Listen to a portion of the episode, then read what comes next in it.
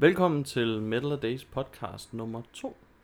Vi er allerede øh, kommet videre. Vi er en måned videre faktisk. Vi er inde i maj. Vi har den, hvad har vi i dag? Den 11. 11. maj, tak. Vi er Mark Stormand og... Jeg er Anders Lundtang Hansen. Så det er de samme som før. Denne her gang, der, øh, der vil vi snakke om Copenhagen. Mm. Vi vil fortælle lidt historier fra Copenhagen Family. Lad os bare kalde dem det, fordi det er jo folk, der kommer på Copenhagen. Øh, Vi er en stor familie. Lige præcis. Og det er egentlig det.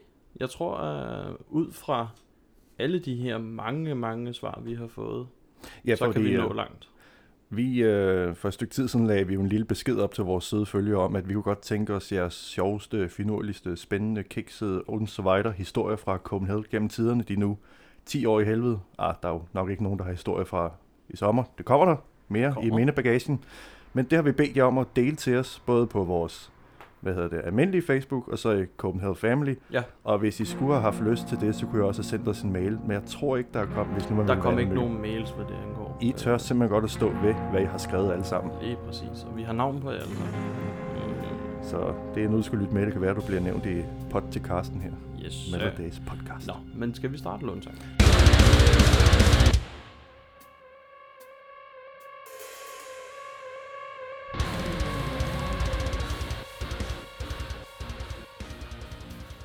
Vi skal jo på Copenhagen til sommer. Jeg glæder mig allerede. Det gør jeg For satan, jeg glæder mig. Altså, den festival her, Copenhagen, har ligesom udviklet sig for mig fra... Jeg kan huske, da det blev annonceret første gang, jeg tænkte, det var sgu da et eller andet sted på tide, at vi fik sådan en stort anlagt professionel undskyld til alle de andre festivaler. Metalfestival i Danmark. Endelig på fucking tid. Jeg købte min billet i så god tid, og jeg købte den, fordi Devil Driver blev annonceret. Som det første? Et af de første. Okay. Jeg så sådan overvejet frem, ja, åh, det var også mange penge for en færdig studerende og så videre. Og så kom Devil Driver på, og så købte jeg den. Og hvad sker der så? Min begyndende Devil Driver forbandelse, de sprang fra. Oh. Ja, men nu havde jeg ligesom billetten, og den øh, historie med Devil Driver kan komme en anden gang. Men afsted skulle jeg, og dengang der havde jeg bil, min dejlige lille blå Opel Corsa, jeg kaldte Trine. Oh, ja. Og troligt så kørte jeg hele vejen fra Køge ud til Refshaløen i silende regnvejr. Men dengang kunne man parkere helt op tæt på. Det kostede en 50 kroner. ja, det var lige uden for Highway to Hell, man kunne parkere dengang. Fuldstændig. Det var så hyggeligt med vores uh, heavy metal parking lot. Så mange historier. Nå, jeg parkerer der, og så går jeg op. Dengang var der ikke, og ellers var jeg ikke informeret om det, de der prædage til at få armbånd på. Så jeg går op og siger, billet, scan den, giv mig armbånd. Den virkede ikke. Nå. Fordi, jeg ved ikke, om de var gået over til noget andet billetsystem, men jeg købte den så tidligt, at det var ikke en del af deres system. De troede på, at jeg havde købt en rigtig billet, men den kunne simpelthen ikke findes i systemet. Oh. Så mit første Copenhagen gik i halvanden time med at stå ved den eneste fucking skurvogn, der var der i halvanden Mm. time i silende regnvejr udenfor og bare vente på, at den der blev godkendt. Nej, nej, nej, nej. Og det lykkedes langt om længe.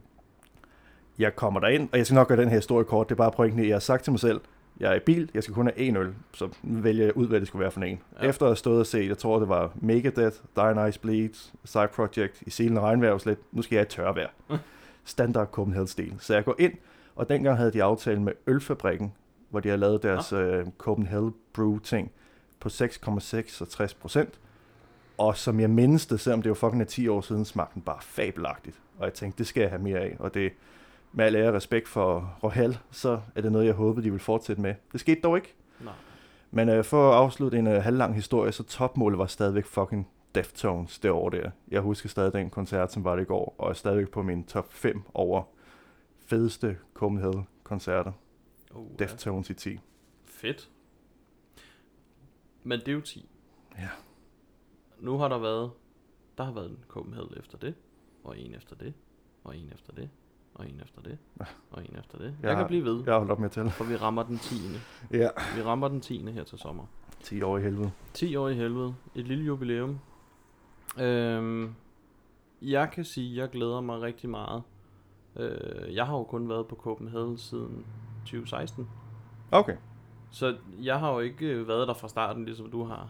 Øhm, men jeg har så også kun været der som pressefotograf siden 16. Øh, så jeg er spændt på at se, hvad der egentlig kommer til at ske her, når den 10. Copenhagen løber af stablen. Præcis. Jeg tror, det bliver vildt. Jamen, jeg tror også, det, de skal jo markere det på alle mulige og umulige måder. Jeg tror, vi kan forvente en masse gode overraskelser.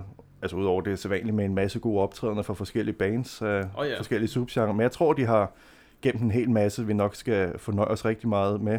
Og for mig er, for at afslutte det, jeg startede med, der er Copenhagen gå hen og blevet den der, nu forstår jeg, hvordan folk har det med Roskilde, eller et eller andet, de ser frem til.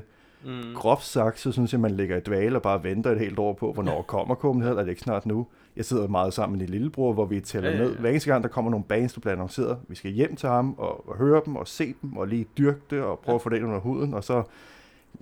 Og nu er det ved at ske for helvede. Det er næste måned. Nu sker det snart. Det er lige om lidt. Det er lige om lidt. Det er fucking lige om Det lidt. er lige om lidt.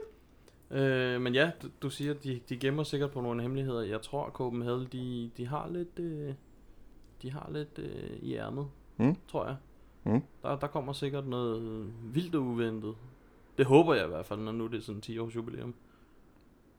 Men nu har jeg lige uh, lagt min sjæl på bordet, så lad mig spørge omvendt, fordi du må sikkert også have nogle gode historier. Men lad mig spørge på en anden måde. Hvad er det første, du tænker på, når jeg siger Copenhagen? Øh, det er hjem til familien.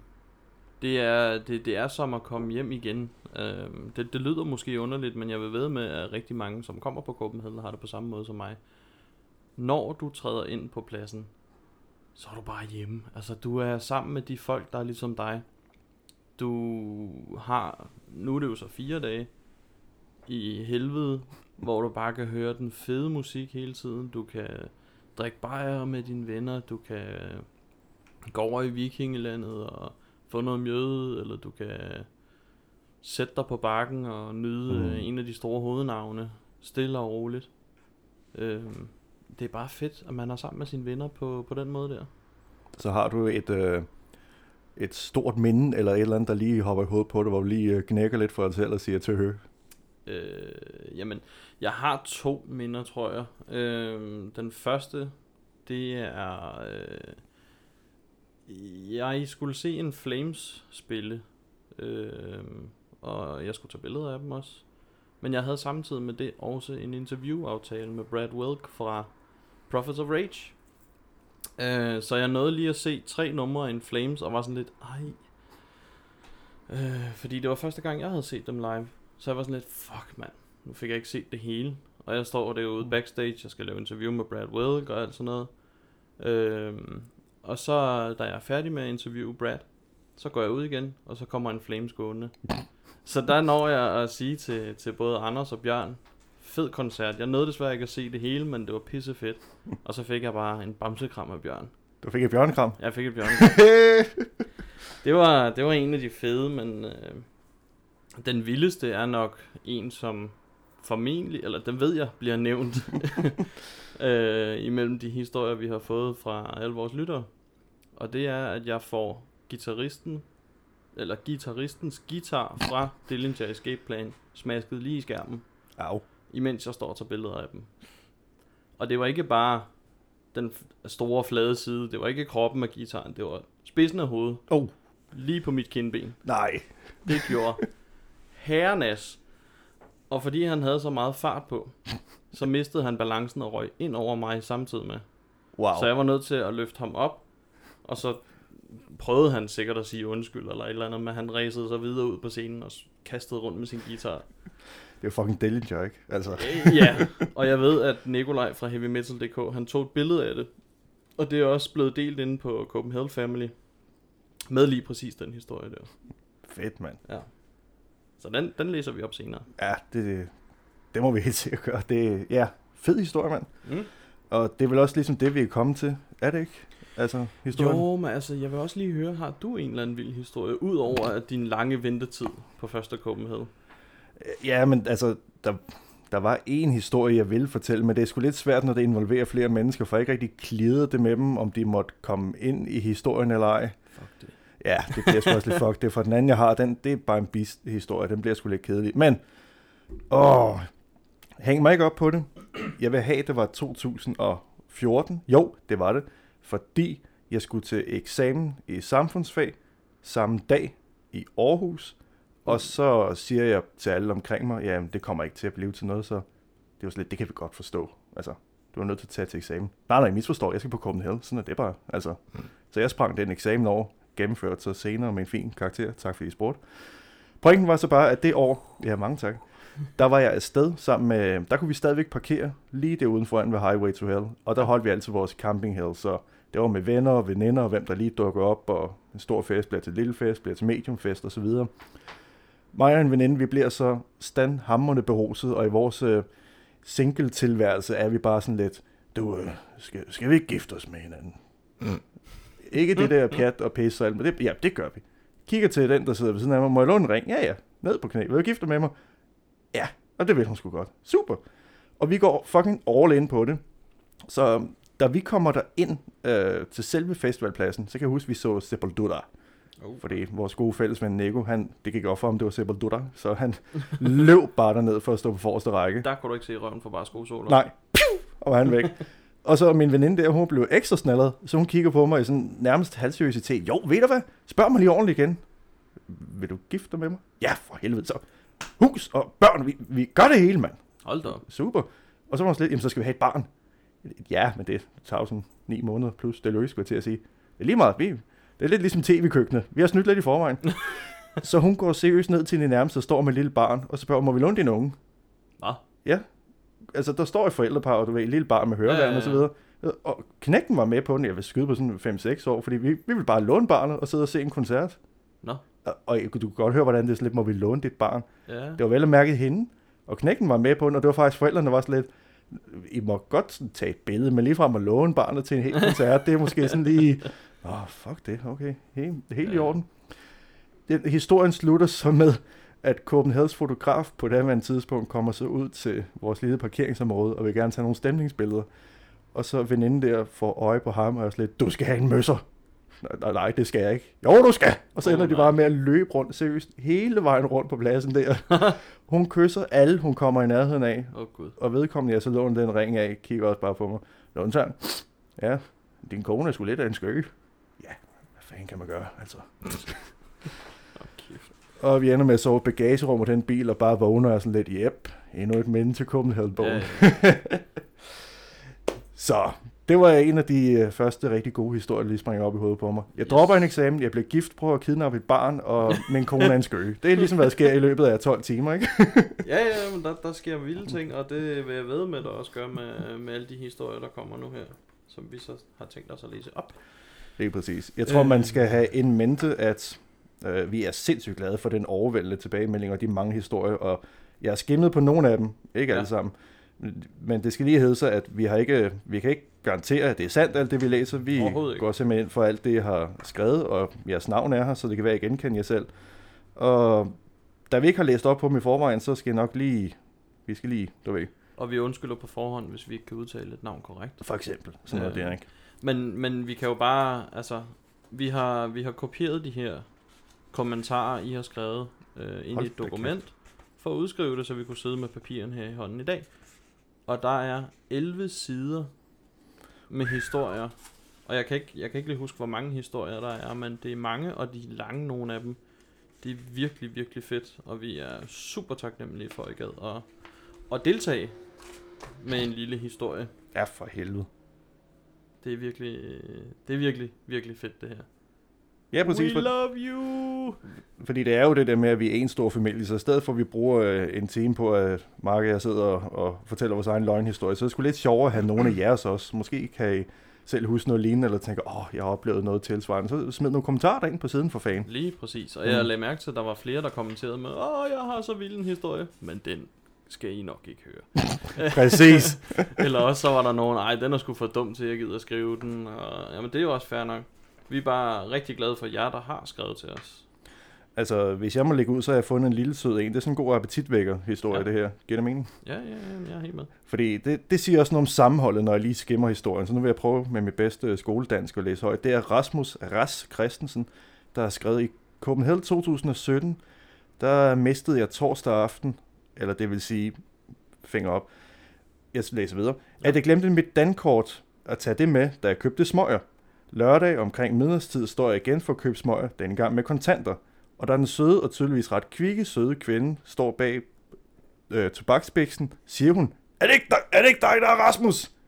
what the fuck, tænker jeg og siger, jo, hvor til hun stikker mig min dankort og siger, du glemte den den anden dag. Det er dal med overskud af særklasse. Det er fedt sådan noget der. Noget jeg har lagt mærke til igennem, øh, igennem de kommentarer her, fordi jeg også har skimtet dem, det er, at der er rigtig meget kærlighed på uh. Copenhagen. Det er ikke kun en hyggefestival, det er ikke kun en krammefestival, det er fandme også en kærlighedsfestival det her. Mm. Og jeg har en rigtig god en her fra Daniela Mini Jacobsen. Hun slutter en dag af med at sige, at Copenhagen er kærlighedens festival. Men nu skal du høre. Copenhagen 2018 mødte jeg en gammel ven, som jeg har kendt i syv år. Og altid været lidt vild med. På sidste dagen var min veninde og jeg løbet tør for cigaretter. Der var ikke noget med cigaretter her. så vi løb hen til en båd til venstre for Helveti. Da jeg havde købt mine da jeg havde købt mine, puttede jeg dem i tasken og vendede mig om og fik øjenkontakt med min ven, jeg ikke havde set i tre år på det tidspunkt. Jeg løber hen til ham og hopper op på ham til et stort kram.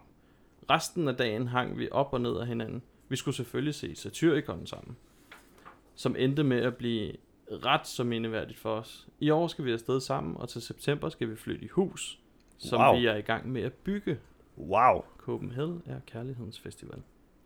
Så der er simpelthen nogen, der har fundet deres sjæle ven for livet der. Det virker det til. Hold da kæft. Ja, okay. Det er flot. Har du flere gode? Ja, den, det er også en, en lille sød kort ind, og og også, hvor man sidder og tænker, det er lidt indforstået, og så alligevel ikke, fordi der er nok nogen, der sidder og tænker, jeg har noget tilsvarende, eller, oh ja, vi har gjort noget lignende. Signe Douglas Andersen, er det ikke hende nede fra Voodoo? Nå, hun siger bare en lille sætning, der står til at starte med, tissesangen på toilettet. Allerede der får man nogle billeder i hovedet, ikke? Og sidder og tænker, Ja. hvad- at der står mere, men det er bare, bare den sætning, tissesangen på toilettet. Kan du se det for dig? Du sidder der, tror sådan ned, at det er, ja, bukser ned, og så har du et eller andet kørende med dem ved siden af, eller også står du flere i samme... Ej, jeg ved det slet ikke, nu får jeg billeder i hovedet. Det er ligesom hvis man sidder og, og, og snakker om øh, hvad hedder det, slænke, savsk, eller Ja. ja. sænke slagskib, øh, mens man skider. Præcis. Ja. Og god, god aktivitet. Nå, hun skriver videre. Det der med at sidde og være support hos samaritterne med din vens flækkede øjenbryn, og suspension show i 2010, det har del med været nogle gode 10 år i helvede i hell, eller dengang jeg, eller dengang jeg lærte at bestille øl på tegnsprog, fordi der var nogle tolke med for nogle døve, der var på hell. Sejt. Det vil jeg fandme også lære. Ja, det er da vigtigt at kunne. Jamen, det, jamen når det larmer og så videre, altså nu må man håbe bare til, når også kan tegnsprog, men det kunne da være vigtigt lige at kunne, jeg vil have Ja, en øl. da. Det ja, det er, hold kæft, det skulle være smart, det der.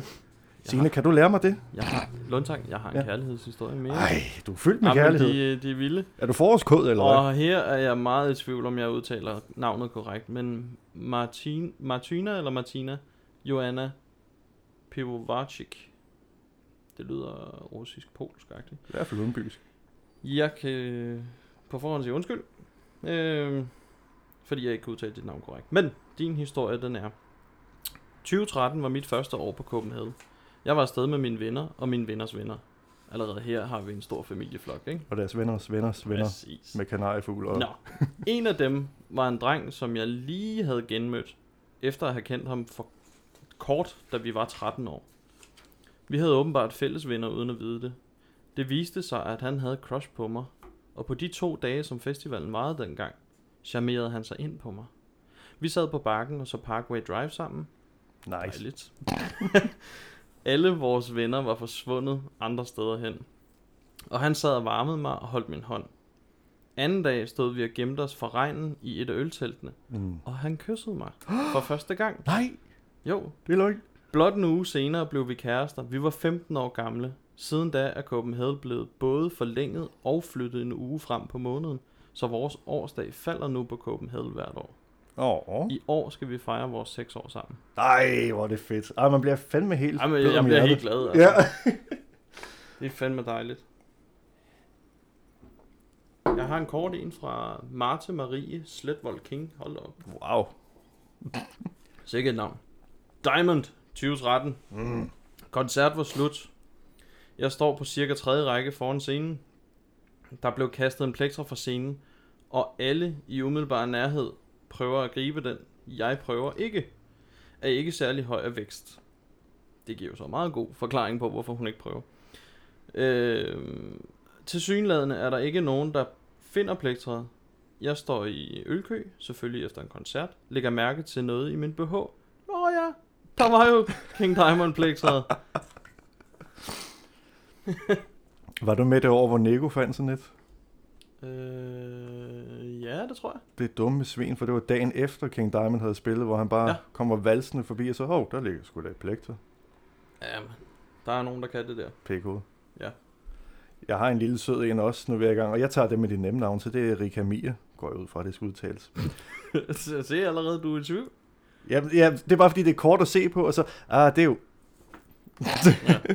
Nå, der står faktisk, der er to, men de er korte. Men den første, det var da jeg satte benene på Copenhagen i 2013, der hæv min mand mig med i Smadeland, hvor jeg formåede at smadre to af mine fingre den første dag. Au. Der er mange af de der historier med at komme til skade. Jeg tænker på din lillebror også. Nå, og den anden, apropos det med en stor familie, jeg tror allerede, vi har en kommende Copenhagen-gænger her. Den Ja. anden historie er, da jeg i 2015 var gravid med min søn, og under Gojeros koncert mærkede jeg ham spark for første gang. Og Ja, der ved han, hvad der er rigtigt allerede der. præcis. Han sidder sgu lige... Uh... Der er dobbeltpedal fra maven af. Sådan skal Jamen, jeg, har være. en, øh, jeg har en fra Alexandra øh, XS Vestergaard, som har arbejdet på Copenhagen, så der er en lille baghistorie her. Da jeg var artisttransport, og endelig fik muligheden for at møde og endda køre mit favoritband Deftones, Åh, blærerøv. det fucker så ret meget op. Da jeg henter dem i lufthavnen og skal op af p-kælderen, går jeg i stå fem gange på rampen, Nej. og de er nødt til at give mig gode råd til, hvordan jeg skal køre bil. Nej. Der er grinegrad smileys her. Hele bandet i bilen. Oh my god, pinligt. Men de tog det pænt. Okay. Wow. Ja. Jeg har også en kort en her fra... Øh, Og man kan jo lige se det for sig, ikke? Altså, Ja. drengene var sådan, maybe you should, yeah, I know what I'm doing! ja, ja, præcis. Jeg har endda en her fra en, der har spillet på Copenhagen også. Det er Rasmus Kær, som øh, har spillet sammen med sit band Impalers. Åh, oh, fedt. Han skriver, da mig og drengene fra Impalers spillede på Copenhagen tilbage i 2013, sne Jason Newsted sig ind backstage og så lidt af vores koncert fra sidelinjen.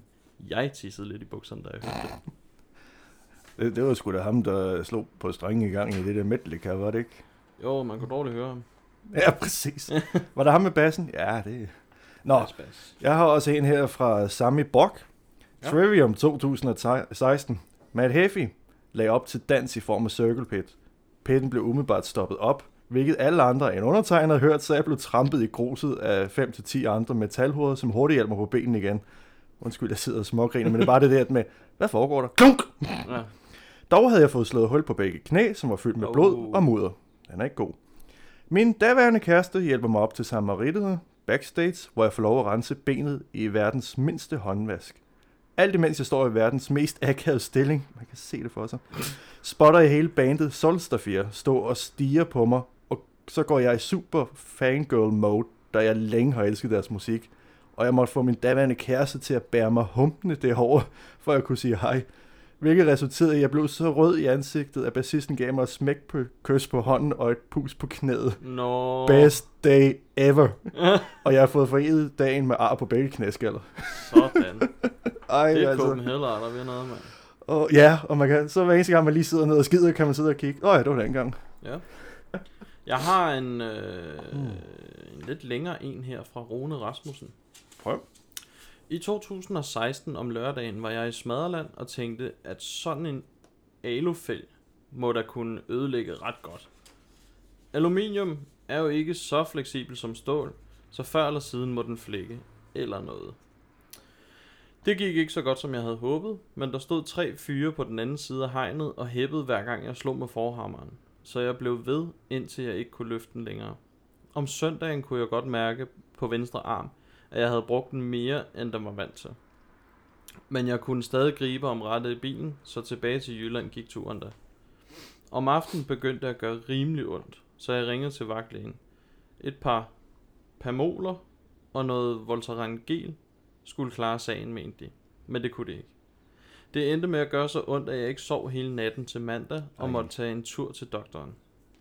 Jeg havde reddet mig en slem overanstrengelse og fået en fingertyk pølse af betændelse Ew. fra håndledet op til albuen på Ej. venstre arm, og måtte spise antiinflammatoriske piller i 14 dage, imens jeg gik rundt derhjemme og var sygemeldt.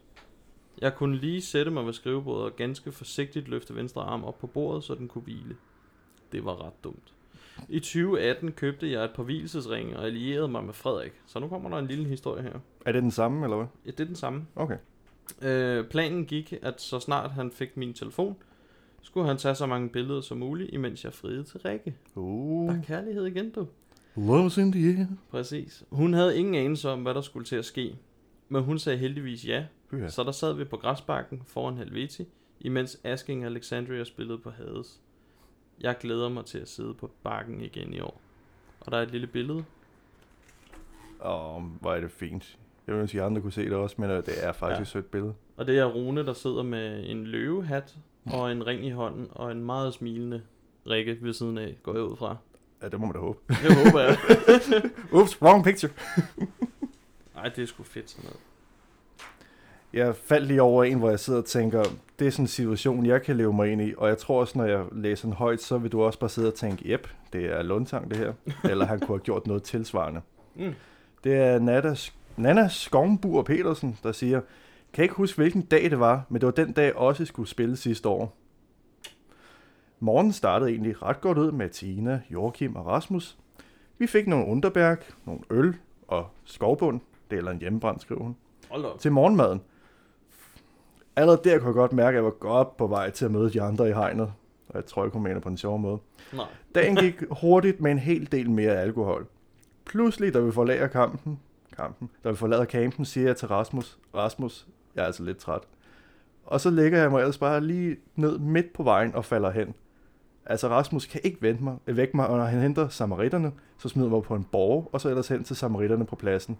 Hele 3-4 timer, før de endelig får liv i mig igen. Lad mig håbe, det ikke var genoplevning. Det skriver hun ikke noget om. Nå, jeg vågner og kan høre også, at I står og er i fuld gang på scenen. Og jeg ligger bare der med opkast i håret på kjolen, og jeg ikke lige helt forstår, hvad der egentlig lige er sket. Han har ellers glædet mig sådan til Ossi. Det er sat med dumt. Moralen i den historie er, at Underberg er roden til alt ondt. Ja, underbær smager heller ikke specielt godt. Nej, det, det gør det ikke. Det gør det ikke. Men det der, det der med at drikke sig fuld for, altså, så lang tid i forvejen, og, og være kværnet hele vejen frem, og ikke nå at opleve noget i løbet af dagen, det, det, det, det, er bare ikke sjovt. Nej, og jeg tror, det er jo desværre det, sker for mange mennesker, og det er ikke for at sidde og moralisere, fordi vi har erfaring, men jeg kan sagtens sætte mig ind i det der med, at man vågner, stemningen er god, du er der med alle dine Ja, venner, du er væk fra alle forpligtelserne, så den skal jeg bare have, fordi nu er vi ude for landets lov og ret. Men så stikker det også bare af på en dum måde. Det er de samme mennesker, som tænker, der køber den billet til koncerten, de bare har glædet sig til. Og så drikker de sig fuld inden hovednavnet. Ja, og de starter hjemmefra og Ja, i ja. toget, og så møder de op og drikker sig fattige, havde han sagt, i baren. Og så dagen efter, hvordan gik koncerten? Altså, Ja, jamen vi ser det jo tit, når vi er ude til koncerter, at og det er ikke for at generalisere, men det er typisk ældre mænd, som ja. ikke kommer til så mange koncerter, som vi for eksempel gør. ja. Men sådan lige en gang imellem kommer ud til Guns N' Roses, eller Iron Maiden, eller hvad fanden det nu er. Præcis. Og de kan bare ikke håndtere det der indtag af fadøl, som de kunne dengang. Nej, de tror, de kan det. De, de tror, er kan 20 stadig, år. Men det kan de bare ikke.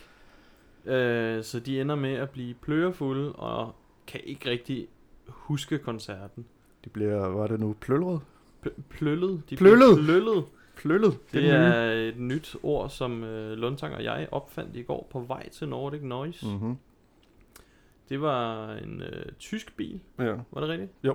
Hvor der stod PLO med umlaug, og så var der lige lidt mellemrum, og så et L mere. Ja. Og der spurgte du, hvad er pløl? Ja. Så sagde jeg, jamen det er vel, at man er pløllet, så man er pløret efter at have drukket for mange øl. Præcis. Pløllet, det er den nye gutter. Ja. Øh, men ja, og misforstå mig ikke, jeg kan også godt selv øh, lide at have en høj hat på, når jeg er til koncerter. Men de første, hmm, gætter jeg, 5-6 år, der var jeg pinligt ædru, for jeg skulle bare have alle, alle sansindtryk ind til de der Mm. koncerter. Men jeg har aldrig forstået den der med, jamen lad os bare drikke afsted, så vi overhovedet ikke kan huske, hvad fanden der foregik. Det, så kan du gå ned på bodegaen altså. Ja, det er da meget bedre. Ja, og billigere. Ja. ja, fordi du betaler både for en koncertbillet og at komme ind og drikke, ikke? Ja, Det er dumt. til de der fadølspriser. Det er dumt. Hold den på et lavt niveau. Drik jer hyggefuld i stedet for. Præcis. Har du en historie? Ja, men de er sgu lidt lange lige nu. Jeg har en meget, meget kort en. Okay, Det er fra Thomas Andersen. du må Det hilse. ene år var jeg rigtig fuld ubehagelig. Nej, det er løgn. Det var det. Det er løgn. Det er Thomas. Puha. For ej, Thomas. Puha, Thomas. jeg kan også lige, jeg kan lige tage de andre, der er på den her side. De er også korte. Vi har en kærlighedshistorie mere. Um, Sabine Biske blev forlovet på Copenhagen og svigerfars fødselsdag i 2017. Fed følelse at sidde på bakken, og fyren så, eller fyren så er pisse romantisk. Det var en kort historie, men en sød historie. Jamen apropos de lidt øh, korte historier, det, øh, vi sidder og snakker om, at Copenhagen er en stor familie, og vi passer på hinanden. Vi er desværre også nødt til at adressere, at der er nogle brødende kar imellem, og det er ikke nødvendigvis nogle af dem, der er en del af familien, men de dukker op uanset hvad. Og det har Mark Vildstrup Pedersen en lille historie om, som skriver, jeg havde min lillebror med for et par år siden. Det var første gang for os begge to, men min lillebror havde heller aldrig været til andre festivaler. Under den første koncert og hans allerførste moshpit nogensinde, fik han stjålet punkt og mobil. Mm. Vi meldte til hvem vi kunne på stedet og bad dem om at advare folk mod lommetyv, hvilket de ikke ville. Senere snakkede med mindst 20, der har oplevet det samme. Det gav ikke det bedste førstehåndsspillede arrangement. Masser af teori på højlys dag, både på pladsen og ved ølsalget. Hold da kæft. Ja. Jeg har aldrig oplevet det før. Jeg tror, nu er jeg lidt i tvivl, men jeg tror, at jeg kan huske den der episode, fordi øh, ja, der var et eller andet, der pludselig gik rygter om, at man lige skulle passe på i pitten og så videre. Det er også derfor, jeg siger, at jeg tror ikke, det er os, der har gjort det. Det er, Nej, nej, nej. uden at stereotype, men der er jo nogen, der får fat i de der festivalspillere, som bare kommer derind med tanker om, at nu skal jeg have eller andet ravet til mig, når folk Ja, ja, kigger, så får så de stikker mere, jeg ikke. de får mere igen, end de har betalt for billetten. Præcis, fordi de kan gå ud og sælge det senere, eller hvad fanden de nu end gør. Ja. Så det var bare for at understrege, at der sker desværre også nogle uheldige ting, som ikke bare er sjov og spas, haha, jeg blev fuld og slog mig, og jeg var dum, men også sådan lidt de der. Så ja, pas for det første på hinanden derude, når I kommer dertil, og så lige tap en ekstra gang på lommen, eller kig i tasken for en sikkerheds skyld, når du lige ja. har den mindste tvivl. Ja, og så øh, ikke for løst siddende øh, lommer, Nej. eller hvad man siger. Dybe lommer, så de ikke kan komme i dem. jeg har en her fra Mia Strandgaard Sørensen. Jeg havde et ondt år sidste år med slem stress og angst. Jeg var på Copenhagen med min kæreste, og på et tidspunkt, da jeg var alene, får et panikangstanfald, Folk. og jeg kan ikke få vejret. Folk reagerer hurtigt og var så søde. Der blev hentet vand, og et par gutter øh, hjalp mig lidt væk, så man ikke stod midt i det hele. De var der til, øh, til jeg fik ro på, på vejrtrækningen, så tak til jer, der kunne se, den var gal. Præcis. Vi hjælper hinanden. Det, Det er det, jeg er vild om. med det. Det er skønt. Har jeg flere, der er korte? Jeg håber også lidt, at det er noget, at de andre medier også får øjnene op for, fordi hvor meget jeg er glad for, at der kommer belysning på øh, Copenhagen og Heavy Metal Festivalerne generelt, så er det altid den der med, Nå, I er ikke så farlige, som I ser ud, var. Nej, lige præcis. Den vinkel har I brugt de sidste 10 år plus. Prøv at gå lidt ned i dybden, i substansen omkring musikken, og ikke bare, undskyld, lave et interview med S om, hvordan man growler, fordi åh, det lyder meget sjovt. Ja. altså, det er så nemt. Undskyld. Eller lade en, øh, en Pas på, hvad du siger. meget øh, flamboyant Mm-hmm. øh, person gå rundt på Copenhagen og blive bange for de folk, der er. Ja. Og snakke med dem om, hvorfor de ser mærkelige ud. Det, det, det, nu har vi set det. Altså, I behøver ikke gøre det mere. Præcis.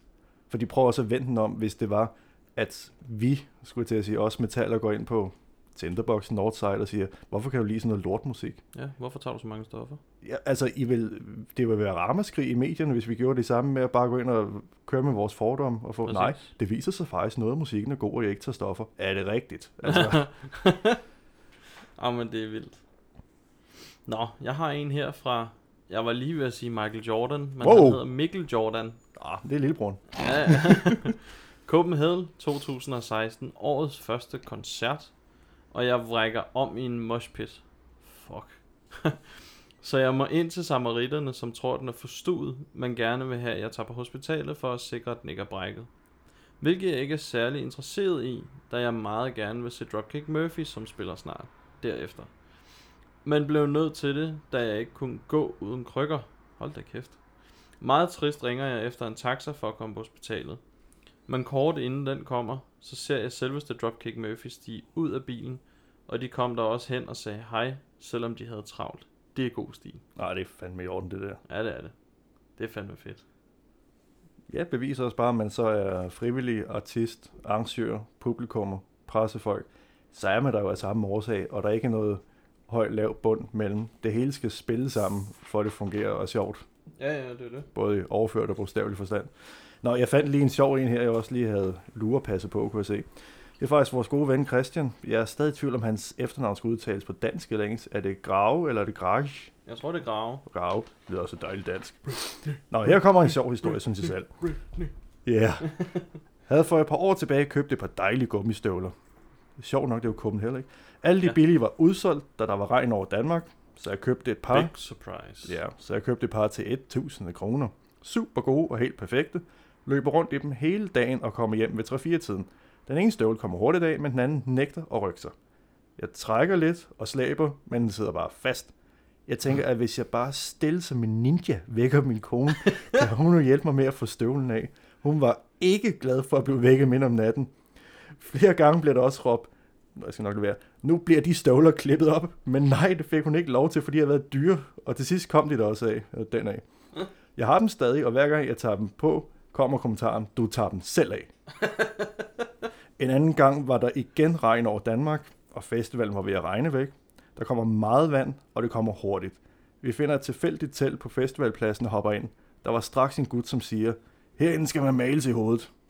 Yes, yes, mal du bare løs, hvis vi bare får ly. Det viser sig, at det er corpse paint, og 45 minutter efter kommer vi alle ud fra teltet og har fin maling i hovedet. De har sgu gjort det meget godt. Vejret var blevet godt, og vi går rundt og synes, vi er meget flotte. Øllerne flyver ind, og stille og roligt bliver vi enige om, at vi er Ghost Boys. Lidt senere kommer der en gut, som spørger, hvem vi er, og vi er jo Ghost Boys. Han kender os godt, og han er kæmpe fan. Hvad? Ja. Men fair nok, han beder om et billede, og så fik vi både tørvejr og prøvede at være kendt i et minut. En anden gang, ah, det er til tredje gang, var der et regn igen, og jeg var på Copenhagen med min gode ven Daniel Nolan. Der er lidt størrelsesforskel på Daniel og jeg. Jeg er foretrækker. XL, og han er mere størrelse S. Timerne går, og da der er tilstand imod, stillstand i moskeen, skal vi i Birgarden. Her udbryder Daniel, jeg er blevet våd, jeg vil have tørt tøj på. På det her tidspunkt er ingen af os særlig kvikke. Måske var det ølerne. Men jeg indser hurtigt, at den eneste løsning selvfølgelig er, at vi skal bytte t-shirts, da min er tør. Åh oh, nej. Det gør vi, og Daniel løber rundt i Birgarden i noget, der minder om et telt. Jeg løber derimod rundt med en t-shirt, som snak, knap nok kan dække navlen. det lykkedes dog, og Daniel tog ikke hjem. Vi fik drukket flere øl, og nu har han også en t-shirt, som er blevet udvidet til størrelse M. Måske endda L. Au, au, au. Der var rigtig et par regnværshistorier For Satan, mand. med støvler, øl, Ghost Boys, som var bare deres største fan på Copenhagen. Jamen, jeg kan lige se det. Vi kender jo de hoveder der, så jeg kan lige se det for mig. Ja, man kan se det for sig, når man Ja. læser det højt, ikke? Jo, det er det. Og jeg skal til koncert med Ghost Boys. Jeg vil have corpse paint og byttet uh, t-shirts på. Ja. Nu har jeg øh, en historie, som, Åh. hvor der vedlagt er et øh, sørøverbillede. Wow. De ser skide godt ud. Du skal lige prøve at se. Ej, det er sgu lækkert. Ja, for fanden. Det er Christian Koksbank Nyeng, der skriver, Jeg mødte min kæreste på Copenhagen for to år siden. Igen, kærlighed, kærlighed, kærlighed. Der er en gennemgående tema her. Og vi har nu tradition for, at vi skal afsted sammen hvert år. Sidste år, da vi hørte Elstormen skulle spille, blev vi enige om, at vi skulle være pirater hele den dag. Det resulterede i en del mennesker, der både grinede og lavede thumbs up på turen derned. Vi fik taget billeder på båden over, og en masse mennesker ville have taget billeder med os i løbet af dagen. Det peakede til Elstormen, når man crowdsurfede som pirater. Jeg kan huske den koncert. Og den slog rekord i crowdsurfer på Copenhagen. Åh, oh, for helvede. Det var 758 crowdsurfere, Talte som du jeg efter? husker det. Nej, men det gjorde vagterne. Og jeg fik tallet wow. bagefter. 758. Kan vi lige få en fintælling? Ommer. Hold nu kæft, siger jeg bare. Der er det lidt det der øhm, problem, alkohol eller ej, fordi jeg har efterhånden, du da stille med været til mange koncerter på Copenhagen, ikke? Ja. Og jeg kan huske, jeg var der til den koncert, og jeg har formuleret et eller andet i mit hoved, men jeg kan ikke huske noget ved det. Og det pinligste, men det er alderen, det er ikke ølleren, der gør det. Jeg sad hjemme med din lillebror øh, forleden og snakker med Ja. band, som jeg her gerne vil se, og ej, hvor kunne det være sjovt, og så videre, og så videre. Og så kigger han mig bare, du ved, deadpan in the eyes på mig og siger, Lundsang, ja, du så dem sidste år på Copenhagen. Du anmeldte dem. Ja, og det var sådan noget, gud, det gør jeg sgu da også. Hvem var det? Øh, Mustache. Hvad? Ja. Du har set dem på Nordic Noise også? Ja, men det, det var det, jeg sad og snakkede med ham om, at det ikke rigtig talte, fordi jeg stod så langt væk og ikke kendte bandet, og så sagde jeg, at jeg faldt i Mm. søvn der på Metal Cruise. Ja. Og så var det sådan lidt, så jeg gad virkelig godt at se en fuld koncert med dem. Ja, det gjorde du sidste år. Og jeg skal virkelig ved, lige spole baglæns mm. I båndet, lige køre VHS-båndet baglæns, og lige afspille det så sådan lidt. Nu kan jeg da godt huske det. Det bliver næsten for meget på en eller anden måde nogle gange. Og det, ej, ikke nedskalere noget som helst, men det er bare, når man vil gerne vil nå så meget og se så meget, og jeg tror, alle mennesker har den der med, var der bare flere timer i døgnet, eller kunne jeg være to steder på øh, samme tid. Copenhagen for helvede, jeg ønsker, jeg kunne være, du ved, bare en af mig, der bare slappede af og nød det hele. Den anden, Mhm. der kunne nå alle koncerterne og have de minder, og så en tredje, der bare kunne dalle rundt og lave lige, hvad han har lyst til. Altså, Ja. Ja, det ville jeg også ønske, jeg havde. hvis muligheden var der ikke. Så man havde alle de der Ja. samme minder, men man kan fucking ikke være to steder på en gang, siger Nej, det kan man ikke. Og jeg skal forsøge i år. Og alligevel ikke. Vi bliver kraftigt aldrig klogere. Øh, jeg har en her fra Nikolaj Brandsholm, som jo er fotograf på heavymetal.dk. Han Nej. fangede lige præcis det øjeblik, som jeg husker på Copenhagen. Det er også et godt billede. Det er et rigtig godt billede. Men han skriver, i 2017 prøvede Ben fra Dillinger Escape Plan at tage livet af ham den ene fra Metal Day, ved at banke hans guitar ind i hovedet på ham. Det registrerede jeg ikke under deres show, men opdagede efterfølgende, at jeg havde fanget hans undskyldning til vedkommende ved et anerkendende Are you alright bro på dette billede. Det viser sig så efterfølgende, øh, at han har taget skade ved slaget. For hans metalmedier begyndte at anmelde popmusik. Oh! Den lille lort. man skulle ud og tæve ham, skulle man. Ja. Men var det ikke noget med, fangede du ikke det øjeblik øh, med dit eget kamera, da han Jo, løb ned i øh, jeg tror stadig, jeg har billederne liggende. Jeg har ikke lagt dem ud, men jeg har dem liggende. Hvor man kan se, at Ben han bare kommer nærmere og nærmere mit kamera, og han har snotten helt ned i kameraet til sidst. Når du egentlig, jeg synes bare, det er så fed en historie. Når du registrerer noget, eller tænker du, nu går det galt? Jeg når ikke at registrere noget, før han ligger over mig. Nå, okay. Jeg får den der banket ind i siden, og så ligger han nærmest over mig på samme tid. Fuck. Ja. Og jeg når bare at klikke løs på kameraet samtidig med. Min, min koncentration det er, okay, nu kommer han tæt på. Og så er det jo så der, jeg har fået slaget, og, og han ligger inde over mig nærmest. Og du har aldrig været den samme siden. Nej. Men jeg kan netop huske det der med, at vi havde, det var dengang, de holdt tre koncerter i Danmark, og vi nåede at anmelde alle sammen. Og da de så annoncerede, at de lige tog Copenhagen med, så sagde jeg også Ja. til alle, jeg kender heller ikke bandet så godt, men jeg ved, hvem det er, vi er nødt til at se det. Ja. Og det begyndte at småregne lige der, som bare blev til stor regn. Jeg var slet, fuck det, jeg vil se det. Mm. Og de andre var også helt, hvad fuck sker der her? Og jeg kan huske, at du kom ud for fotogram, hvor du også bare står der som et dårdyr, der har set altså, lyset fra en bil. Jeg skal også se videre, hvad der sker her. Ja, jamen, jeg var nødt til at se koncerten færdig. Altså, jeg kendte heller ikke bandet. Øh, men at, at få den oplevelse, at man står så mange fotografer, som vi gjorde på det tidspunkt, så tæt. Øh, og så få øh, Bens guitar lige i skærmen, og ham ind over mig. Altså, det var nok i sig selv til, at jeg bare måtte se resten af det her færdigt, fordi de var æderfuck med vilde. Og der kan man også se nogle kulturforskelle, ikke? For jeg kunne så forstå efterfølgende, har du fået at vide, at de gerne vil have givet dig en personlig undskyldning. Ja, ja. Hvor i sådan nogle steder som USA, kan jeg huske, efterfølgende læste jeg, at der var en eller anden, nej, det var vist ikke Dillinger, men hvor der også, du ved, en musiker falder ud, en på publikum, hvad sker der? Sagsøger vedkommende. det er bare dumt. Jamen, hold nu op, altså.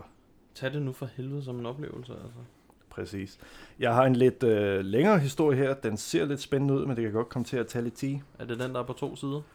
Ja, Skal vi så ikke øh, tage mine først? det kan vi godt. Jeg har tre historier tilbage.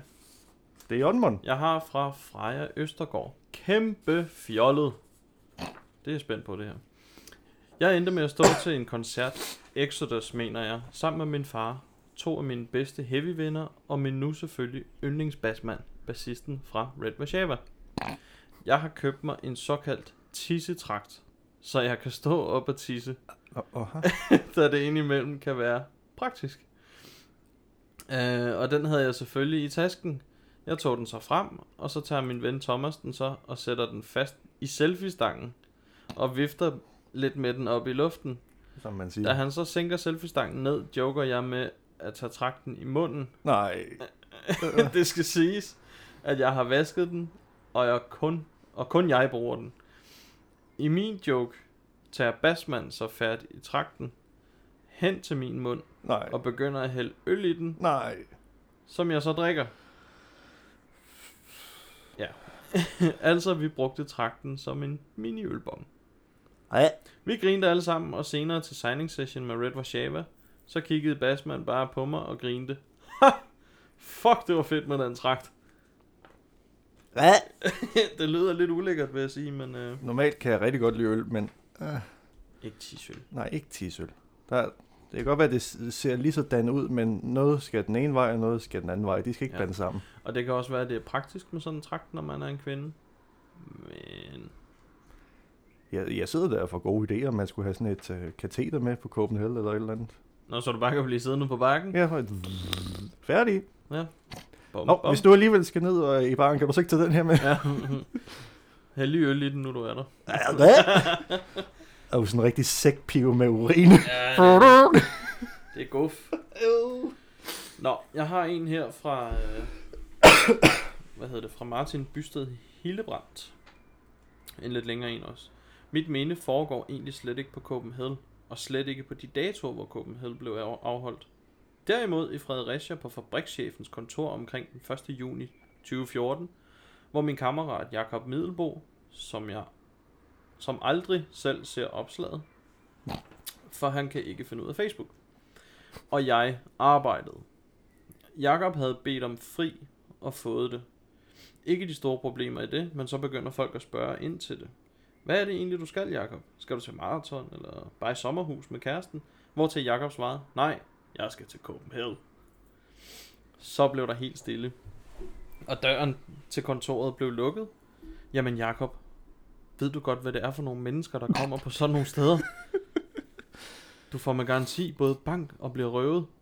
Kan du nå at sælge billetten? Wow. Ja, ja. Det var Jakob ikke så meget for. Så han holdt fast ved, at han ville afsted, og flere chefer forsøgte at tale ham fra det.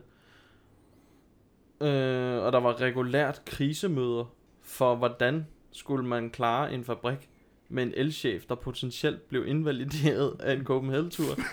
wow. Efter nogle dage fandt de ud af, at Jakob ikke skulle afsted alene.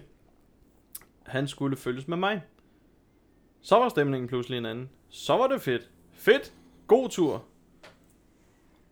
Dagen inden vi skulle afsted, blev Jakob dog, eller blev jeg dog kaldt ind på øh, fabrikschefens kontor. Han ville lige sikre sig, at jeg passede godt på Jakob, og sørgede for, at han kom hjem i et stykke.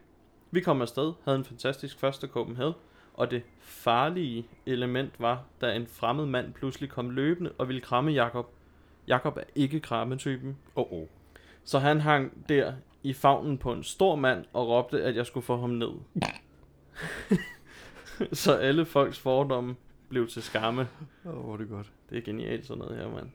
Men det er igen, det, det vi snakkede om tidligere med andre medier, der kommer på Copenhagen. Det er jo garanteret sådan nogen, der spreder det, eller de bare får en eller anden idé om something. Ja, Altså, en eller anden opfattelse. jeg har ingen idé. Den sidste historie, jeg har, inden vi går til den lange historie, som du har. Ja, og jeg kom faktisk også lige i tanke om, nu øh, i pinlig ædrolighed, kan jeg også sige, at jeg har en lettere fræk historie fra min egen øh, mindebog, hvor jeg lige Uh. udlader navnene, men den er simpelthen for god til ikke at tage med, så den tager jeg lige før, den Ja. der. Fedt. Jeg tager lige den sidste af mine herovre. Du må hilse. Denne historie er i to dele. Den første, Den. Copenhagen 2017.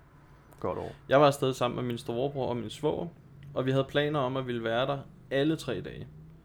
På dag 1, imens Kaka spiller på Hades, skal min bror lige vise vores svoger, hvordan det er at være i en moshpit. De går ned i pitten, og jeg bliver på bakken. 10 minutter går, og de kommer tilbage, og min bror virker til, at der er noget galt. Så er der en klaphat øh, faldet i pitten. Nej, så er den klaphat faldet i pitten, og får smadret armen ned i et par sten, og kan ikke bevæge den. Det viser sig, at den er brækket to steder i albuen, og det kostede ham en måneds sygdom fra arbejde. Ej, Det er surt. Afsnit 2. del 2. Del 2. Copenhagen 2018. Min bror og jeg er afsted med diverse påhæng forskellige dage, med masser af øl og moshing.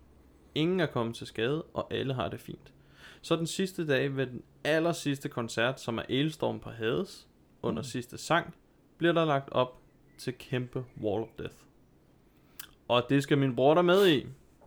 Så når sangen og koncerten er slut, finder jeg ham med skomærker over hele kroppen, Nej. deriblandt ansigtet. Nej. Det viser sig, at han er faldet bagover i pitten, fik 4-5 personer ovenpå sig, og hørte et knæk, imens han lå der og troede, han skulle dø.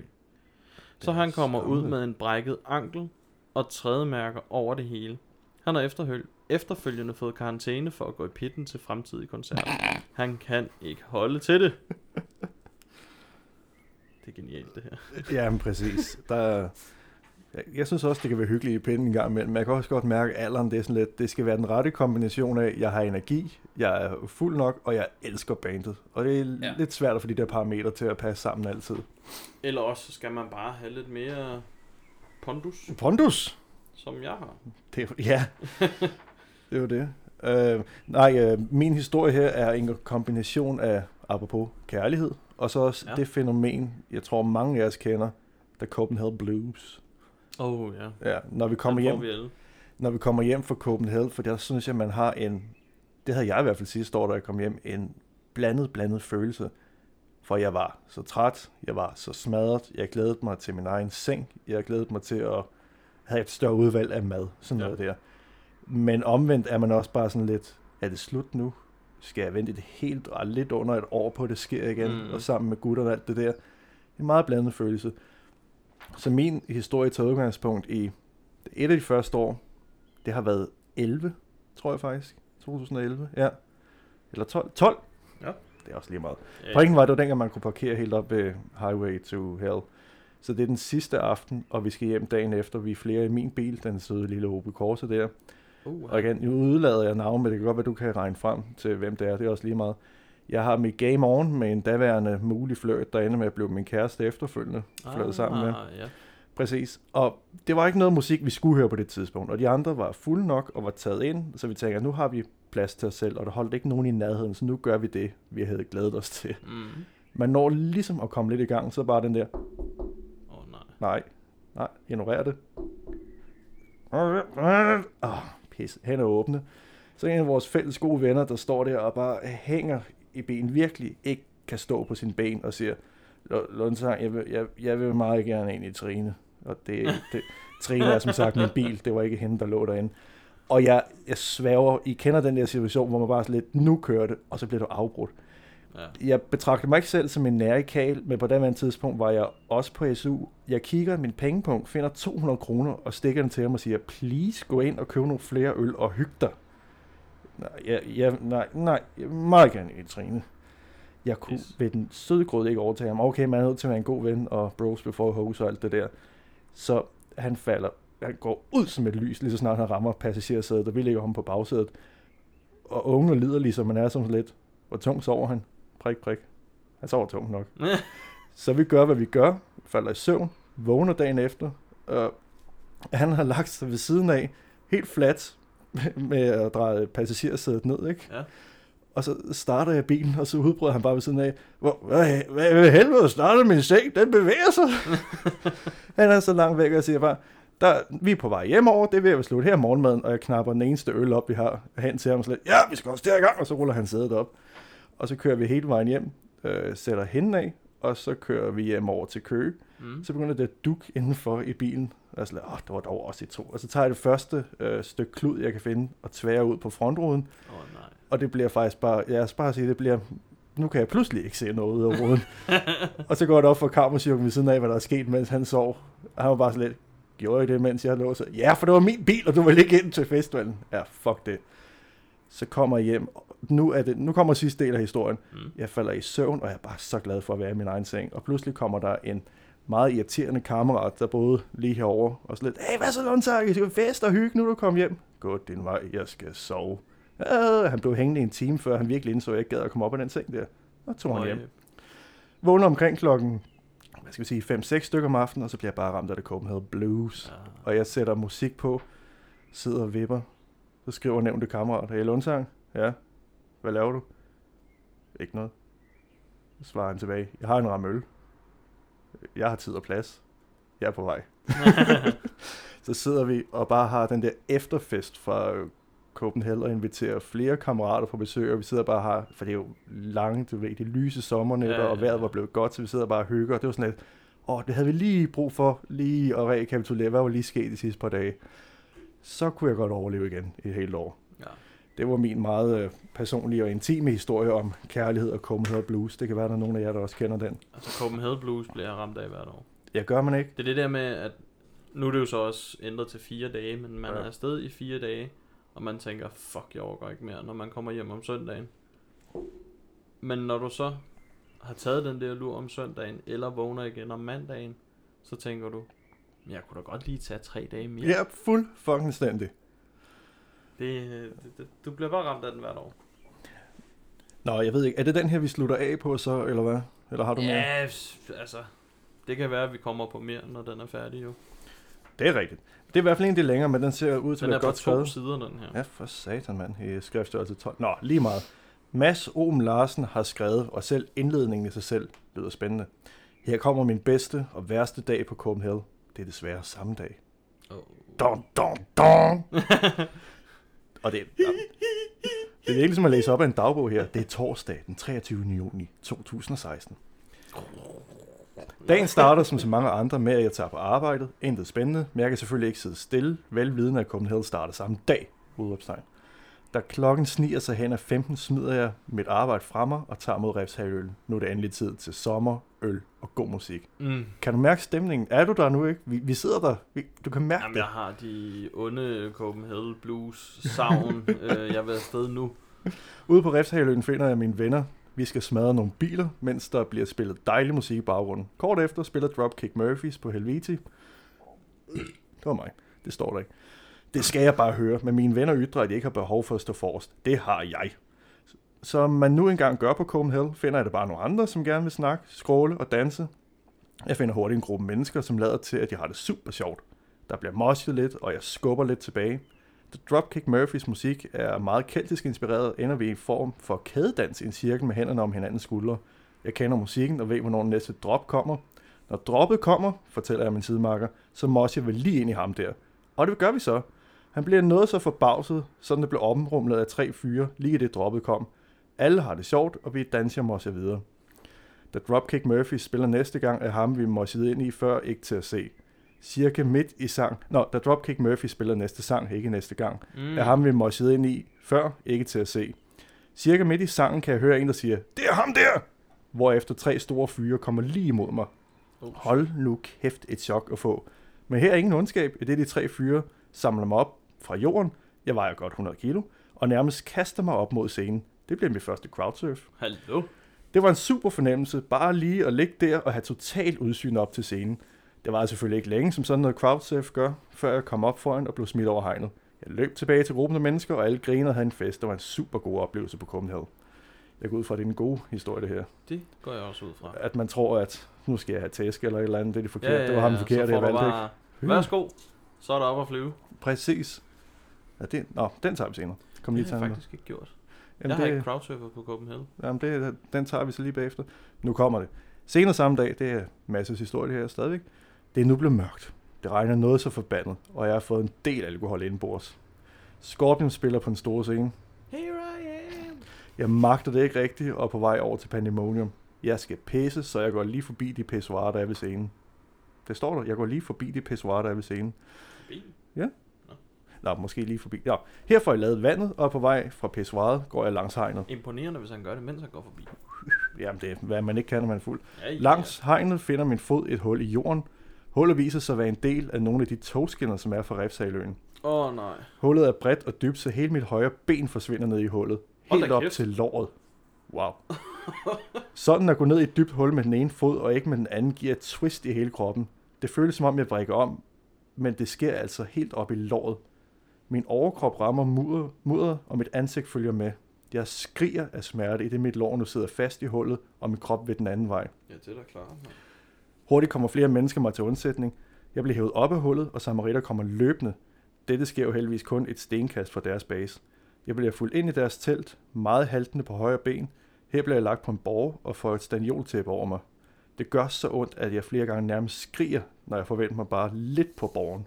Oh, et stykke tid efter kommer en samarit ind og kigger til mig. Han klipper mit bukseben op, så han kan se på knæet. Både på knæet og på anklen har jeg fået nogle skrammer. Han renser begge dele og går sin vej. Jeg ligger nu på en borg med kun et bukseben. Det gør stadig ondt i låret, og jeg brokker mig højligt flere gange. Efter hvad føles som en evighed, kommer en anden samarit ind. Hun spørger, om jeg har fået noget smertestillende, hvor til jeg svarer nej. Hun siger, at hun lige henter noget. Igen går der flere minutter, og så kommer hun tilbage og kigger spørgende på mig. Mads, er du stadig her? Okay.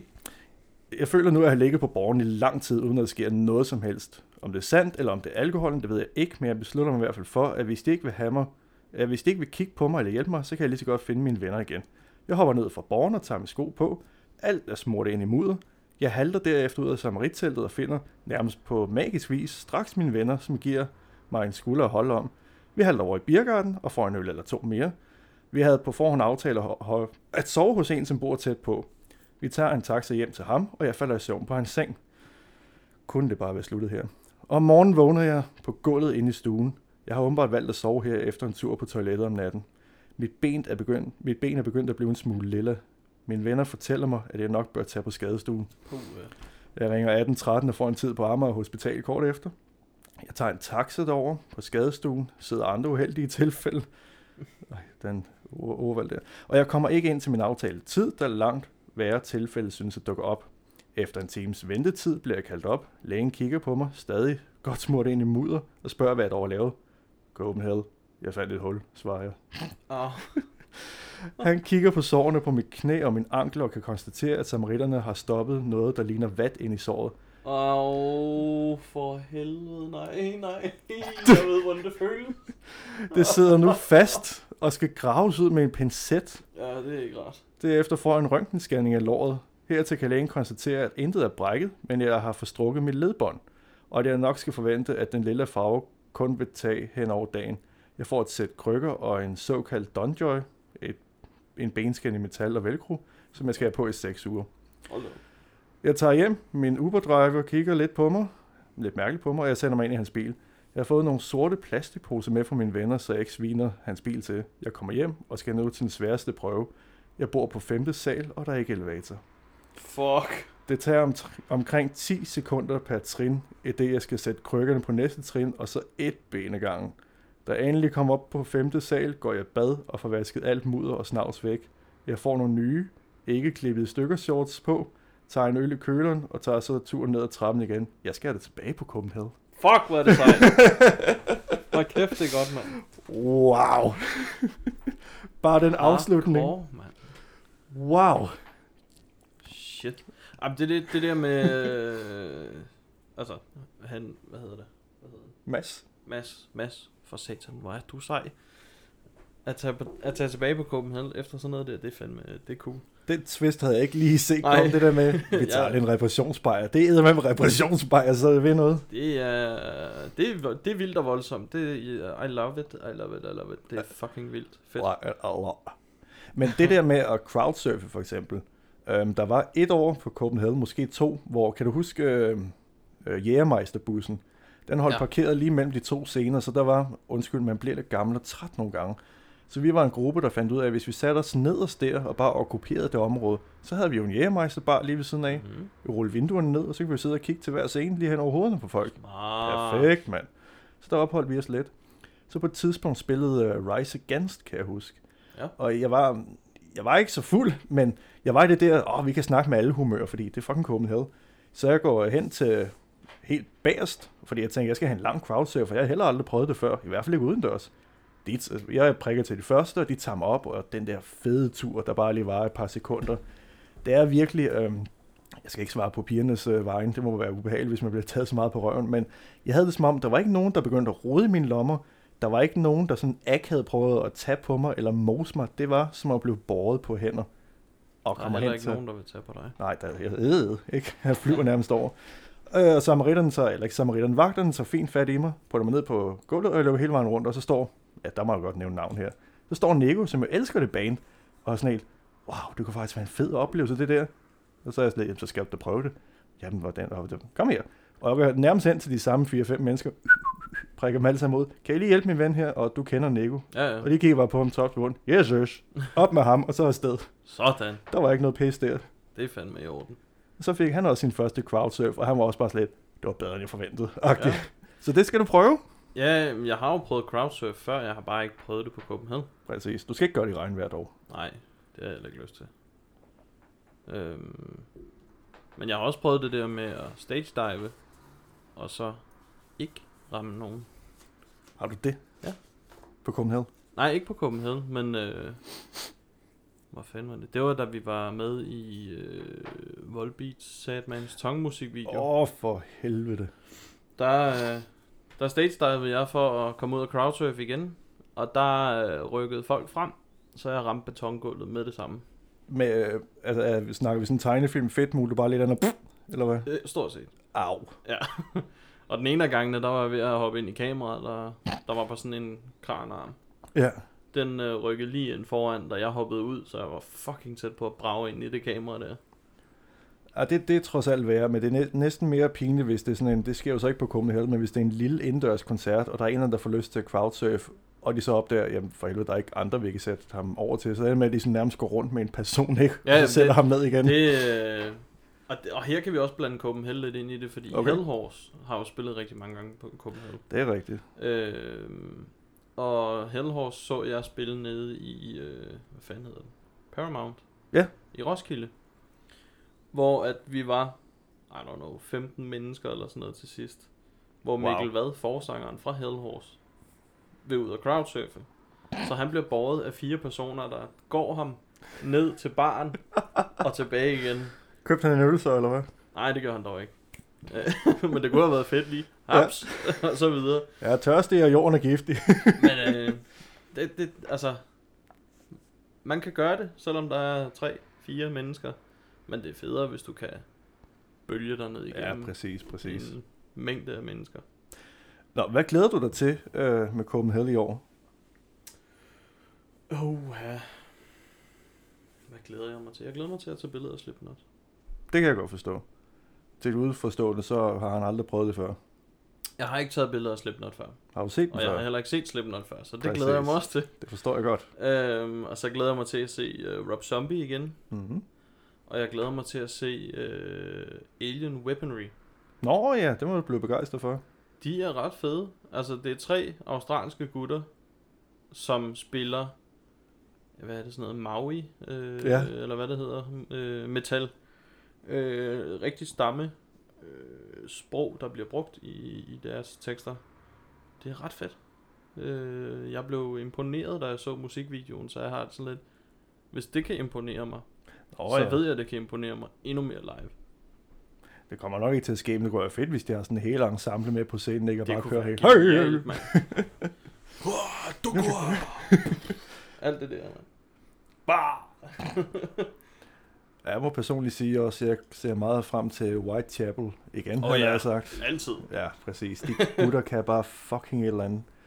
Om man så til deathcore leg med meget personlige tekster, og de, de kan altså bare noget med deres fucking drops, når de kommer. Det glæder jeg mig sindssygt meget til. Jeg var meget begejstret for den seneste plade fra While She Sleeps, så dem forvælger jeg også en del Det af. glæder jeg mig fandme også til. Præcis. Og jeg kan, jeg kan nævne en mere. Mm-hmm. Selvom jeg har set dem nogle gange. Jeg har også selv booket dem til en koncert på Lygten. Kabal. Kabal. Øhm, at jeg, jeg håber virkelig, de får sådan en sen aftentid, hvor solen måske lige er på vej ned, og det bare bliver mørkt, imens de spiller. Mm-hmm. Fordi deres sceneshow er crazy, når det er mørkt. Altså, det er ikke fordi, det er teatralsk eller noget, som, Nej, nej. Men, men der er bare, altså, der de spillede på lygten for eksempel. Ja. Lille spillested jo. Øh, og hele stedet blev fyldt op med røg. Præcis. Jeg havde min hånd sådan 20 cm fra min næse, og jeg kunne ikke se den. Øh, men så øh, starter de op med introen øh, til Raru, oh. oh. nummeret fra den, øh, fra den seneste plade. Og det er sådan noget... Og så er der bare trommer. Dum, dum, dum. Og hver gang trommerne slog, så blinkede der lige sådan en stroblys. Oh. så det var bare den vildeste stemning, der var, lige inden de gik på. Og så går det jo bare mok. Altså. Ja. Jamen, Det... Så det er det, jeg forventer, at der bare kan... Altså, det, det er det vildeste show, de kan lave på Copenhagen. Og så er der også uh, Side Project. Ja, drengene, drengene har, har vendt tilbage, kan man sige. Præcis. Ja, jeg kan jo lov at håbe, at det bliver sådan uh, lidt længere, men fuck nu det, lad os tage det, man får i stedet for. Og Ja. jeg mindes svagt, ej, jeg mindes godt, jeg kan huske, at jeg så dem det første år. Uh, jeg håber jeg ikke, jeg lyver, men jeg er bare ret sikker på, at de spillede det år der. Det kan godt være. Uh, ja, Jeg har ikke været der. uh, nej. Jeg missede lige et enkelt år, men udover det, ja, glæder mig rigtig meget til dem. Jeg glæder mig også til at se Heilung igen. Okay, ja, det mangler jeg lige at få. Men det er også, det er vikingen i mig, tror jeg, som Ja. bare er hvad hedder det, den stemning, som Heilung kommer med, det er sådan en, hvor man bliver revet tusind år tilbage, og føler, man er med i vikingetiden. det, det kan jeg da godt lide. Jamen, det mangler jeg sgu også lige at få oplevet, så det kunne være, man... Øh, Ja, man det skal du glæde dig til. Det skal du fandme glæde dig til. Og så skal vi glæde os til... øh, Hvad hedder det? Bare det at komme ind på pladsen igen. med. Mhm. Møde alle de gamle venner. Øh, få de første øh, 57 kram af, af random mennesker. Det ser jeg fandme frem til. Ja, og jeg frygter jo desværre lidt det der, øh, selvom man ikke skal gå og være bange, han har sagt, men øh, der er jo så mange sansindtryk. En ting er, når vi render til en almindelig koncert, og man nogenlunde kan overskue det. Skru okay. så lige op på 11, ikke? Og så sådan lidt, hey, det, ja, senere en øl. Jeg er helt sikkert, og jeg vil Ja, ja, finde ud af ja. noget senere, og Ja, ja. uh, ikke? Man kan jo kraftigt ikke nå det hele, og det er jo kun Nej. fedt, men man vil bare ønske, at man kunne stoppe op i det der sekund og sige, du har fucking ret, lad os gå og tage en øl. Men man skal altid lige, og så skal man lige... Ja, det er jo det værste ved at være øh, pressefolk på Copenhagen. Vi har altid lige en koncert, vi skal over til og anmelde eller tage billeder af. Øh, og så skal vi, fordi vi selv presser os så meget, øh, så skal vi ned og skrive og lave billeder lige efter. Ja. Så husk at følge med, han har sagt, for Ja. jeg vil gøre det. Fandme hårdt. Og det er det, vi prøver i år. Øh, vi prøver også at få mere aktivitet på Facebook og Instagram. Så alle dem, der måske ikke er noget med på Copenhagen, eller alle dem, der gerne vil følge med i, hvad vi laver på Copenhagen, kan gøre det der. Præcis. Det bliver skide godt. Ja, så ellers et, øh, et band, jeg ikke havde regnet med, jeg skulle se med efter, og så dem som øh, opvarmning for Disturbed, der skal jeg eddermame se Skin Dread. Ja. Øh, både fordi de er underholdte, men så fordi, at de er så moderne flabet, at hvis de gør lidt af det samme, som de gjorde til Disturbed, så kommer de til at pisse så mange af de der puritanske gamle metalhoveder af, at jeg håber, de gør det, med at de pludselig finder, fletter lidt uh, ACDC ind i et nummer, og så er folk lidt, ah fedt man, Thunderstruck, uh, Highway to Hell, Mm. og så går det bare ned et drop af dubstep med i det hele, fordi de kan. Ah, fedt. Og det, det er så forkert. Og jeg husker, jeg sad og glodede på Nico, da vi var til koncerten, og slet, sker det her? Ja, det sker faktisk. Så kommer det næste nummer, det går også over i noget Sabbath, fedt. Og så kommer der noget techno ind over det, fordi det kan vi. Det er stærkt. Fordi jeg synes, det er så sjovt, og det er så forkert for så mange mennesker. Ja, det er fedt. Så præcis, og derfor glæder jeg mig til det også. I love it. I get it. I, I love it. I like it. I love Men jeg glæder mig bare til... Ja, nu er vi jo pressefolk, så vi kan måske komme ind lidt før, men jeg glæder mig bare til det der med at gå ind og så se, ligesom jeg har gjort alle de andre år, se folk løbe ind ad porten. Åh oh, ja, og det er der. Det er, hvad er det, man siger, antiloperne hen over stepperne, ikke? Ja. Altså for Der er satan. jeg vild med øh, den aftermovie Copenhagen lavede for... Var det for i år? Eller for sidste år hed det?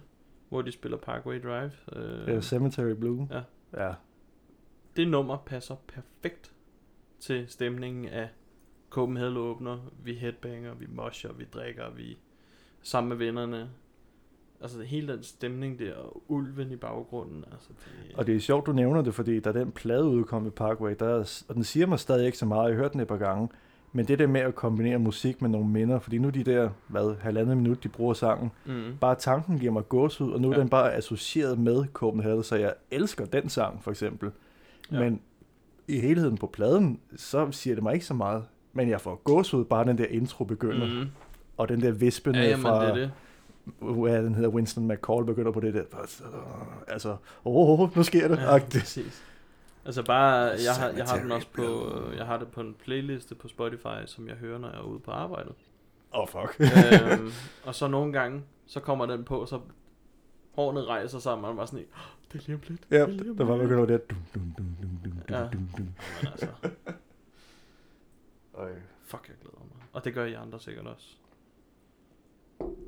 Ja, for helvede. Vi skal have en fest sammen i år, som vi altid har. 10 år i helvede. Ja, tak. Ud med tid, havde han sagt. Det er jo en sang. Men Omvendt korstog. omvendt korstog ikke præcis.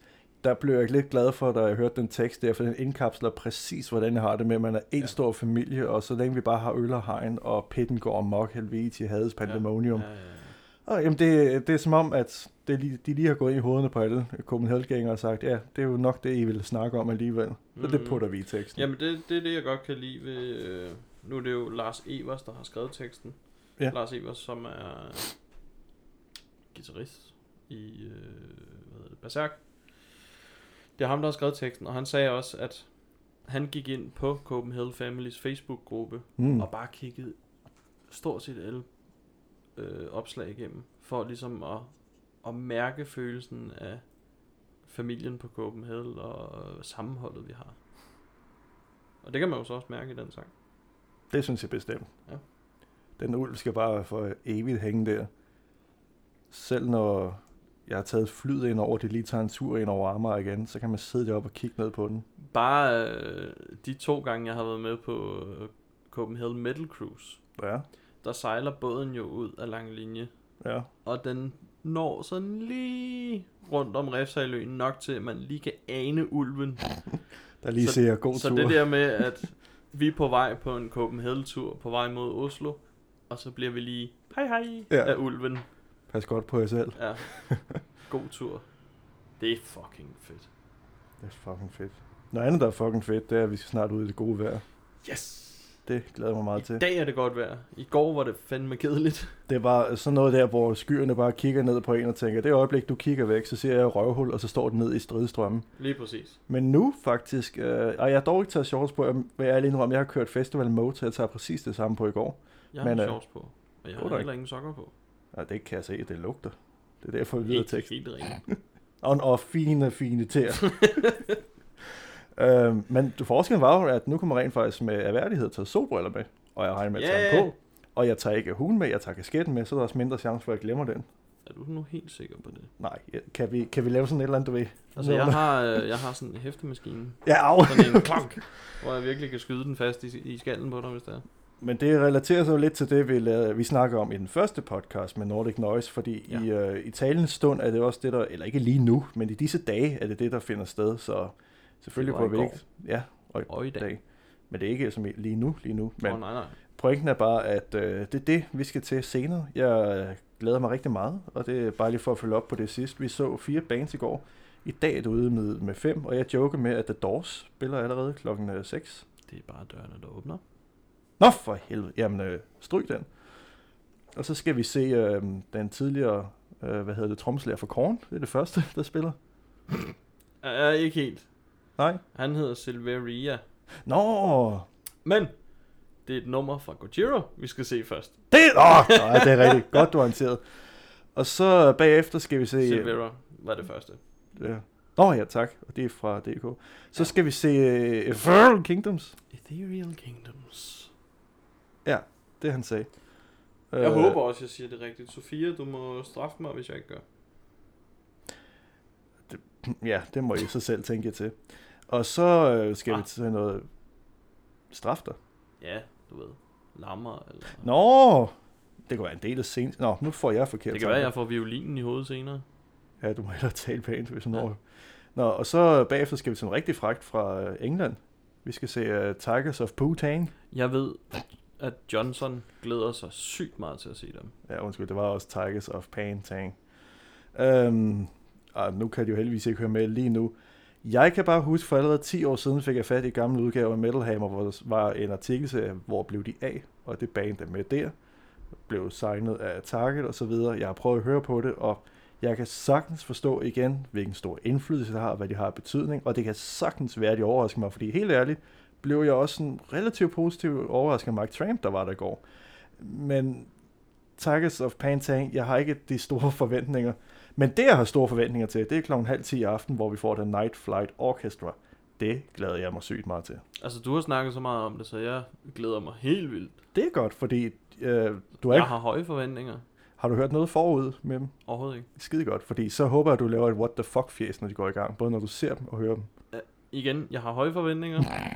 så hvis, hvis det er noget lort, Ja, så ved du godt, hvem der giver en bajer, ikke? Jamen, så længe du bare kører hjem. Ja, ja. Og så slutter vi af med, det er jo hele oplæsningen af tv-guiden det her, men nu kan vi lige så godt slutte af med Candlemas. Og det er jo lidt stort, fordi det er deres originale forsanger, der kom tilbage i folden, øh, og han spillede med i banen dengang, før vi to blev født. Så igen kan jeg forstå, at det har rigtig stor betydning for rigtig mange mennesker. Øh, Tony Iommi var vist med på den seneste plade. Det siger jo lidt om, hvilken indflydelse det har haft. Ja, ja, præcis. Men det er igen et af dem, at jeg glæder mig over at kunne sige, at jeg har set dem, og så sådan en original besætning, og der vil sikkert også komme nogen og sige, åh, hvor fedt du så dem. Men det kan blive øh, yin, som det kan blive yang. Jeg kan blive virkelig blæst over og tænke, hold da op, det skulle jeg opdage noget tidligere. Også kan jeg stå og tænke, ja, altså så, jeg, jeg bliver ikke rigtig skuffet. Kan man sige det sådan? Mm. Men det var måske lidt sådan, jeg havde det i går med, at der skulle programmet være vendt om. Fordi uh, selvom der var meget anciennitet med Mike Tramp og Ikke Band of Brothers, ej ikke helt, oh, vi, vi rodede lige rundt i det, Ja. Øh, men det var, det var sådan set godt nok. Igen, der kommer nogle anmeldelser, nogle billeder. Og hvis man så, igen for at hoppe ned, Electric Boys. Hvis du stod og kiggede på dem, luk, eller holdt øjnene åbne, og glemte, du var i 2019, så var det som at stå i 1974. Altså, Mm. det var kigge med deres modering og deres musik. Men det, ja, altså, det var, ja, det var lidt af de der bands, hvor jeg bagefter tænkte, nå ja, dem så jeg sgu da også. Ja. Og så havde vi jo vores gode venner fra, ja, nu vendte den rigtigt igen. Ja. Øh, vores gode venner fra Junkyard Drive. Øh, igen, bedømt på publikum, bedømt på, hvor mange der gik amok, og så det, og hvor meget det kom ud over scenekanten. Det var, ja, vi har snakket om sidst, og vi har jeg snakket hørte, rigtig jeg meget om dem. hørte flere sige, hvorfor fanden var de ikke hovednavnet i går? Ja.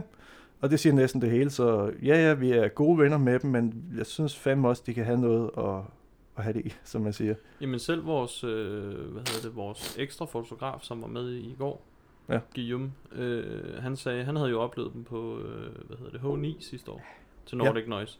Og der sagde han, altså, de var dygtige til at spille rock sidste år, men i år, hold nu kæft, de har udviklet sig. Hmm, præcis. De bliver bare skarpere og skarpere. Så der er en grund til, at vi siger det. Og så var der Black Oak County. Det er sådan en god, øh, det var en god forret. Det er sådan Ja. en, du ved, der ligger bunden uden at overraske. Giver det mening? Fordi øh, jeg hyttede, hyttede, jeg lyttede til deres plade, inden øh, jeg tog afsted. Og jeg kunne synge med på flere af sangene, men som andre, og det var vist nok også jer, der bemærkede, det blev sgu lidt ensformigt. Altså fedt, at de er taget hele vejen fra Esbjerg, og det gav øh, en god start, ligesom lagde bunden for en god festivaldag, men ja, nej, jeg havde ikke større forventninger, og jeg tror også, det er ud i en fin karakter, men det var, det, ja, det var ligesom, Okay. hvad det var. altså, nå, der fik vi skulle lige ævlet om Nordic Noise, gjorde reklame Ja. ja. for det. Pointen Altså, jeg vil, jeg vil godt lige Ja. nævne en, en ting mere, fordi vi også nævner det med, øh, hvad hedder det, Junkyard Drive. Snakker Jeg så, dem. at øh, det andet online rockmagasin, som hedder Rocksite, Ja. de skrev om Junkyard Drive. Sidste år på Nordic Noise Rock Festival kaldte jeg Junkyard Drive en gymnasiefest. Jeg vil til mit forsvar sige, at Kashmir og Zap Zap blandt andet, eller blandt andre spillede til mine gymnasiefester. Uanset, så siger jeg nu, de nye konger af dansk rock er landet. De spiller røven ud af alles bukser, bedre og mere, end jeg har hørt det i mange år. Den større scene i Amager Bio klæder dem, og jeg tænker faktisk, Yes. de kan meget større scener. Helt enig. Og ja, nu kommer der også et lille interview med dem, hvor vi også snakker om det der med, at Ja. de fagner virkelig, virkelig bredt, øhm, og de skal passe på ikke at blive det der Geordie-band, man så ender med at kende dem for, men de har heldigvis øh, talentet og sang, sangskrivningsevnerne til at gøre det så meget andet. Det skal bare være P4-segmentet, der får lidt mere øjnene op for den hårde, hårde rock, end bare Præcis. et øh, hygge-rock hard nummer. Wow, der er meget hard rock, rock, Ja. rock, rock, rock. Nå, skal vi snart ud i det gode vejr? Det synes jeg. Fuglene synger. I har garanteret kunne høre det, fordi vinduerne er åbne her. Det var bare mig. og der er en bil, der lige kørt forbi. Men I har kunne høre fuglene, og nu vil vi også gerne ud og nyde foråret. Hej nu. Det er stadig forår. Ha' en øl. Kom til festivalen. Og bare drik en øl mere. øhm, Så- nej, vær sammen med venner. Øh, godt folk. God musik. Ja, som vi har snakket om i de her Copenhagen-historier, det er jo som om, at øh, øh, en stor fællesnævner er kærlighed, så husk på, for at lyde hele det floromvunden. Det er forår for fanden, gå ud og vælge forårskåd. Yes. Find dig en pige, find dig en mand, find dig en bæver, find dig et eller andet, og gør noget vildt for helvede. Ja, en multikøns et eller andet. Bæver. Bæver. Og stay mad generelt. Præcis. Vi takker af. Vi tager af for den gang. Stay mad. Stay mad. Oh yeah. Okay. Den kører stadig. Du skal ikke sidde og miave. Det er meget underligt det her. Vi Ja. har været Mark Stormand og Anders Lundsang Hansen. Det var også mig. Præcis. Vi ses. Farvel. Hej.